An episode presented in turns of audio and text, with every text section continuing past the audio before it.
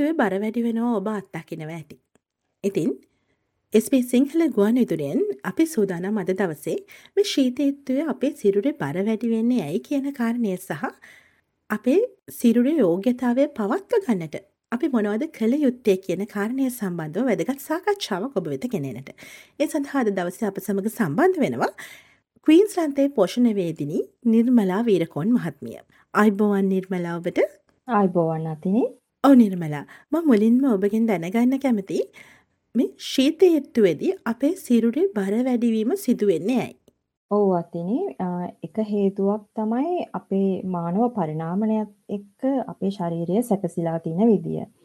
ඒ කියන්නේ දැන් සීත කාලයේ සර්වයිවල් මෙකනිසම් එකක් විදියට ආරක්ෂිත ක්‍රමවේදයක් විදියට අපේ ශරීරයේ මේද තැන්පත් වෙන්න වැඩි නැඹුරුතාවයක් තියෙනවා.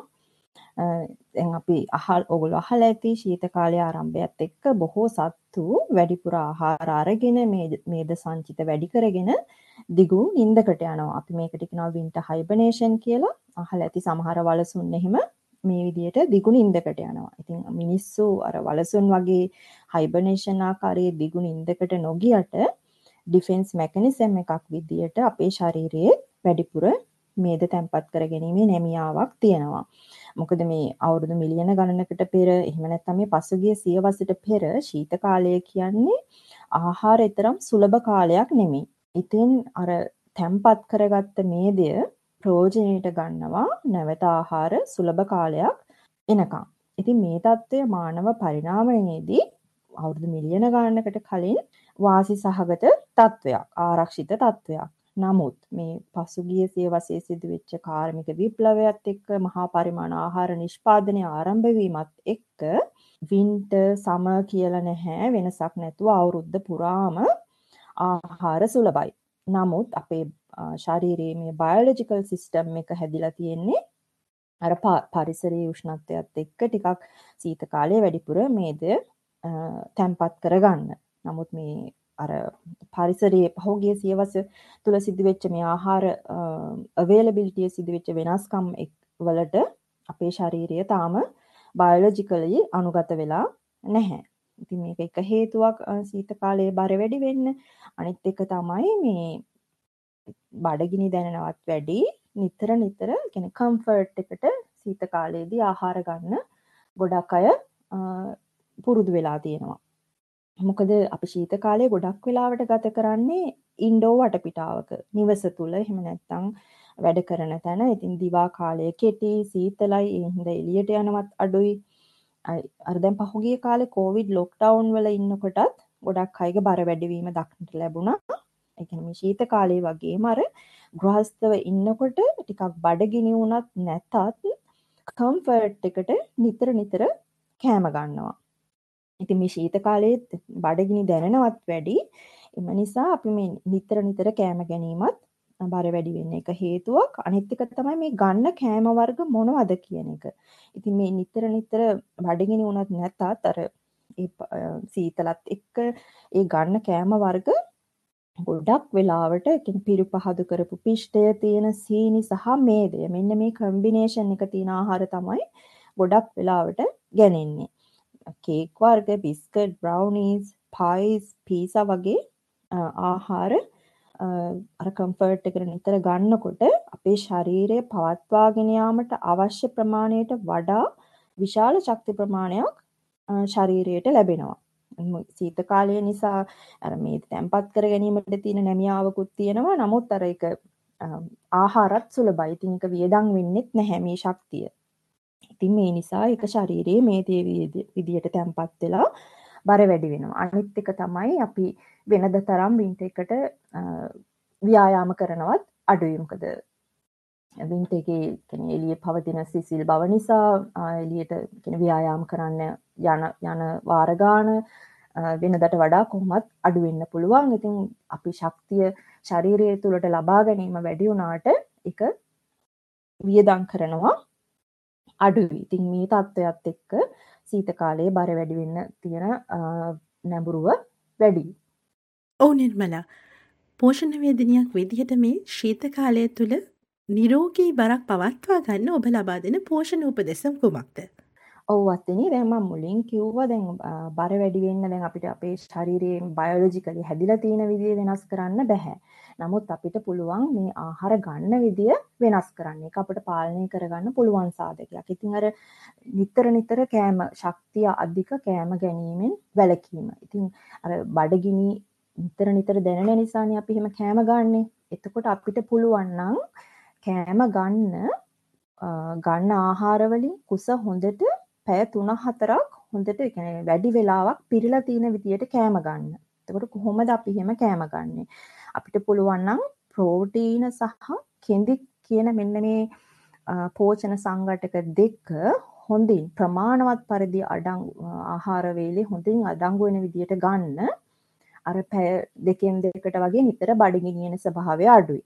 ඉතින් ප්‍රෝටීන් තියෙන කෑම ගත්තොත් මස් මාළු මුහුදු ආහාර බිත් බිත්තර යෝගට් චීස් ඊළඟට ටෝෆු කව්පි කඩල මුං ඇට ආමන් වෝල්නට් චියා සන්ෆ්ලවර් වගේ ඇට වර්ග ගන්න පුළුවන් නම් ප්‍රමාණවත් පරිදි ප්‍රෝටීන් ලැබෙනවා. මේ ප්‍රෝටීන් බ්‍රේක් ඩවුන් කරන්න ඩයිජෙස්ට් කරන්න ටිකක් වෙලා යනවා ඇඟට ටිකක් මහන්සි වෙන්න වෙනවා.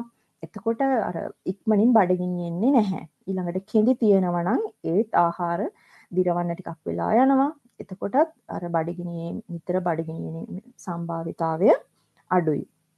එළවලු නැවුම් පළතුරු ඇට වර්ග ඊළඟට හෝල් ග්‍රේන් ධාන්‍ය වර්ග කියන්නේ සකස් නොකළ රිෆයින් නොකළ ධාන්‍ය වර්ග brown rice whole grain pasta quinoa whole grain වර්ගයේ පාන් වර්ගවල කෙන්දි හොඳින් තියෙනවා. ඉතින් මේ කම්බිනේෂන් එක ප්‍රෝටීන් සහ ෆයිබර් තියෙනවා නම් හොඳින් බඩ පිරෙනවා. එතකොට අර නිතර නිතර ශක්තිය අධික කෑම වර්ග ගැනීමෙන් අපිට වැළකීලා ඉන්න පුළුවන්. දැන් මම උදාහරණයක් විදිහට ගත්තොතින් අපිට ගිනි මැලයක ගින්දර හොඳින් පවත්වාගෙන යන්න අපි පුංචි පුංචි දරකෝටු නම් පාවිච්චි කරන්නේ දරකෝටු ඉක්මනින් දහණය වෙලා ගින්න නිවිල යනවා. ඉතින් ගින්න පවත්වාගෙන යන්න නම් අර පුංචි පුංචි දරකෝටු නිතරම ගින්නට දාන්න වෙනවා. ඉතින් අර අපි රිෆයින් කරපු මේ පිටි සහිත සීනි සහිත ආහාර ගන්නවා කියන්නේ ගිනි මැලියකට පුංචි පුංචි දරකෝටු දානවා වගේ ඒක කාලා පැයක් දෙකක් යනකොට ආපහු බඩගිනි බඩගිනි නොවුනත් අර ඒ කෑමවල තියෙන ඇඩික්ටිව් ස්වභාවය නිසා නිතර නිතර ගන්න හිතෙනවා ඉතින් අපි මේ පුංචි පුංචි දරකෝටු වෙනුවට ගිනි මැලේට ලොකු කොටයක් වගේ දර කොටයක් දැම්මොත් ඒක පැය ගාණක් කිසි ප්‍රශ්නයක් නැතුව දැල් වෙනවා. හරියට අර ප්‍රෝටීන් සහ කෙඳි සහිත ආහාර ගන්නවා වගේ. මේ ඒ ආකාරයට අර ප්‍රෝසෙස් නොකර ආහාර ගන්නවා නම් එහෙම නිතර නිතර බඩගිනි එන්නෙත් නැහැ අවශ්‍ය පෝෂණයක් ශරීරයට ලැබෙනවා. ඉතින් මේ සීනි පිටි සහ මේද මෙන්න මේ කම්බිනේෂන් එක තියෙන ආහාර වලින් පුළුවන් තරම් වැළකීලා ඉන්න පුළුවන් නම් හොඳයි. මොකද ඔබ පොඩ්ඩක් හිතලා බැලුවොත් ස්වභාව ධර්මයෙන් අපිට මේ විදිහ ආහාර නිෂ්පාදනය කරලා නැහැ. කියන්නේ එළවලු ගත්තොත් ඒකේ කෙඳි අධිකයි. ඊළඟට බිත්තරයක් ගත්තොත් ඒකේ ප්‍රෝටීන් අධිකයි. නමුත් ස්වභාව ධර්මයේ නැහැ මේ සීනි පිටි සහ තෙල් කියන කම්බිනේෂන් එක තියෙන ආහාර. ඉතින් නමුත් ඒක මිනිස්සු විසින් සකස් කළ අල්ට්‍රා ප්‍රෝසෙස් ෆෘට්ස් මේවා කියන්නේ ඇඩික්ටිව් මද්‍රව්‍ය වගේම තමයි ඉතින් සමහර මේ ආහාර ගන්න ගියාම අර නවත්ත ගන්නත් අමාරුයි. ඉතින් මේ ආහාර ගෙදරට ගේන්නේ නැතුව කියන්නේ ග්‍රොසරි shopping list එකකින් අයින් කරගන්න පුළුවන් නම් ගෙදර available නැත්තම් මේ ආහාර ගැනෙනවා අඩුයි. ඒකක් අනිත් එක ඔබට එහෙම බඩගිනි එනවා නම් එක්ක අර ගෙදර යත් එක කතා වෙලා fix meal time එකක්. මේ ප්‍රධාන ආහාර වේල් මේ වෙලාවට අනිත් එක බඩගිනි එනවා නම් පමණක් මේ අතුරු ආහාර වේල් වලට යන්න. කියන්නේ බඩගිනි නැතුව කම්මැලි කමට හරි කම්ෆර්ට් එකට කන්නේ නැතුව බඩගින්නට විතරක් කන්න මොකද අපේ මානව ශරීරය ඇත්තටම සැකසීලා තියෙන්නේ බඩගින්නට ආහාර ගන්න. නමුත් අර වර්තමානයේ කියන්නේ සීත කාලයේ තියෙන අර සීතලත් එක්ක වෙනම කම්ෆර්ට් එකක් අපි ආහාර වලින් ලබා ගන්නවා. ඉතින් ඒකින් වැළකීමත් වැදගත්.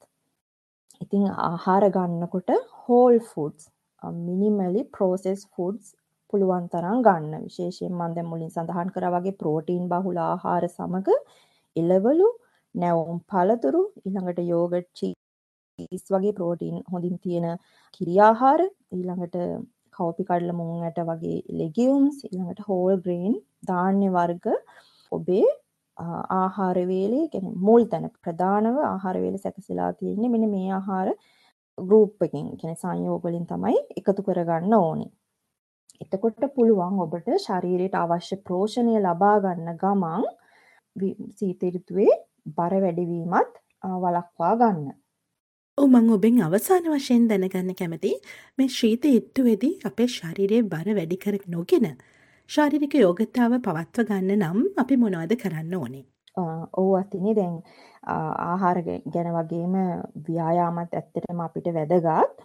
දැන් අර යුරෝපීය රටවල සහ ඔය කැනඩාවේ තියෙනවා වගේ හිමකුණාටු සහිත දරුණු ශීත ඍතුවක් ඕස්ට්‍රේලියාවේ නැති වුණත් සීත කාලයේ ටිකක් ව්‍යායාම් කරනවා අඩුයි. ඉතින් ඔබ බලන්න ඔබට කොයි වගේ ව්‍යායාම් වලටද ඔබ කැමති කියලා. දැන් ඔබට පුළුවන් ඔබ ජිම් මෙම්බර්ෂිප් එක අරන් නැති කෙනෙක් නම් ජිම් මෙම්බර්ෂිප් එකක් අරන් ශීත ඍතුවේ ජිම් එකකට ගිහිල්ලා ව්‍යායාම් කරන්න, එළිය ව්‍යායාම් කරන්න අපහසු නම් ඉතින් අර සමහර වෙලාවට මේ මෙම්බර්ෂිප් එක ගත්තත් සමහරලාට තනියෙන් යන්න කම්මැලි හිතෙන්න පුළුවන්. ඉතින් ඔබට යහළුවෙක් හෝ පවුලේ කෙනෙක් ඉන්නවා නම් බර අඩු කරගන්න සෞඛ්‍ය ගැන උනන්දු කෙනෙක්. ඉතින් එහෙම කෙනෙක් ඉන්නවා නම් අර accountability එකක් තියෙනවා. එතකොට එහෙම කෙනෙක් සම්බන්ධ කරගෙන එකතු වෙලා ජිම් එකකට යන්න පුළුවන්. ඒක වඩාත් සාර්ථකයි. ඊළඟට මොනවද ගෙදර පරිසරයේ කරන්න පුළුවන් ව්‍යායාම. විශේෂයෙන්ම මේ ෆිට්නස් එක පවත්වා ගන්න, ඒ කියන්නේ මාංශ පේශි වල ශක්තිමත්භාවය සහ වර්ධනය කරගන්න ඉතාමත් සුදුසුයි මේ රෙසිස්ටන්ට් එක්සසයිස් කියන එක. රෙසිස්ටන්ට් සහ weight bearing එක්සසයිස්. විශේෂම ඔබට කෙනෙ කිසිම ගැන උපකරණයක් අවශ්‍යත් නෑ අර රෙසිස්ටන්ට් බෑන්ඩ් එකක් වගේ දෙයක් ඉතාම ලාප අඩු මිලකට ගන්න පුළුවන් ඒ බෑන්ඩ් එකක් අරගෙන රෙසිස්ටන්ට් එක්සසයිස් කරන්න පුළුවන් වරකට විනාඩි විස්සක් සතියකට දවස් දෙක තුනක් වගේ කිරීම ප්‍රමාණවත් මේ රෙසිස්ටන් ආකාරයේ ව්‍යායාම ඊළඟට ගෙදර ට්‍රෙඩ්මිල් එකක් තියෙනවා නම් ට්‍රෙඩ්මිල් ඊළඟට ස්කිපිං වගේ එක්සසයිසස් කරන්න පුළුවන් කාඩියෝ එක්සසයිස් විදියට ඊළඟට දැන් ඔස්ට්‍රේලියාවේ ශීත ඍතුව ඉතාම දරුණු නැති නිසා හොඳට ඉර පායපු දවසක එළිය වුණත් ඇවිදින්න යන්නත් පුළුවන්. ඉතින් අර කියන්නේ හાર્ට් රේට් එක වැඩි වෙන කාඩියෝ වර්ගයේ ව්‍යායාම සහ මාංශ පේශිවල ශක්තිමත්භාවය වැඩි කරන මේ රෙසිස්ටන්ට් වර්ගයේ ව්‍යායාම දෙකම ඔබට හැකි ආකාරයෙන් කරන්න පුළුවන් නම් ඔබට ශීත කාලය කියලා වෙනසක් නැතුව මේ ෆිට්නස් එක හොඳින් පවත්වාගෙන යන්න පුළුවන්. ඔව් අපි අද දවසේ කතා බහ කරමින් සිටියේ මේ ශීත ඍතුවේදී අපේ සිරුරේ බර වැඩි වෙන්නේ ඇයි කියන කාරණය සහ ශාරීරික යෝග්‍යතාවය පවත්වා ගැනීමට අපි සිදු කළ යුත්තේ මොනවද කියන වැදගත් කාරණය සම්බන්ධව. මේ කරුණු කාරණා අපට පැහැදිලි කිරීමට ක්වීන්ස්ලන්තයේ සිට අප සමග සම්බන්ධ වුණු නිර්මලා වීරකොන් මහත්මියට බෙහෙවින්ම ස්තුතිවන්ත වෙනවා. ස්තුතියි අතිනි.